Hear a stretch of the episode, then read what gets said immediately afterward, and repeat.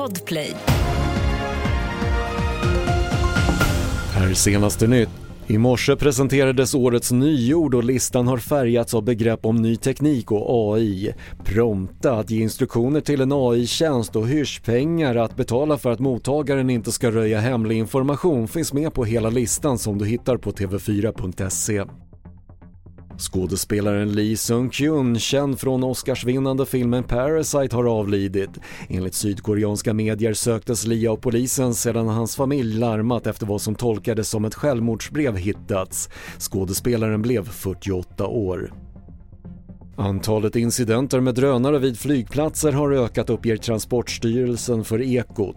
Förra året rapporterades 62 händelser vilket kan jämföras med 39 2018 och även om det hittills inte inträffat någon allvarlig olycka så ser Transportstyrelsen oroad på ökningen. År 2024 kan bli ett bra år för anställda som vill ha långledigt utan att behöva ta särskilt många semesterdagar.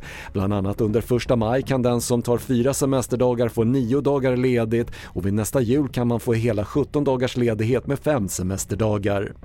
Fler nyheter på TV4.se. Jag heter Patrik Lindström.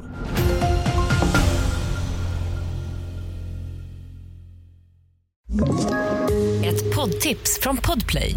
I fallen jag aldrig glömmer djupdyker Hasse Aro i arbetet bakom några av Sveriges mest uppseendeväckande brottsutredningar.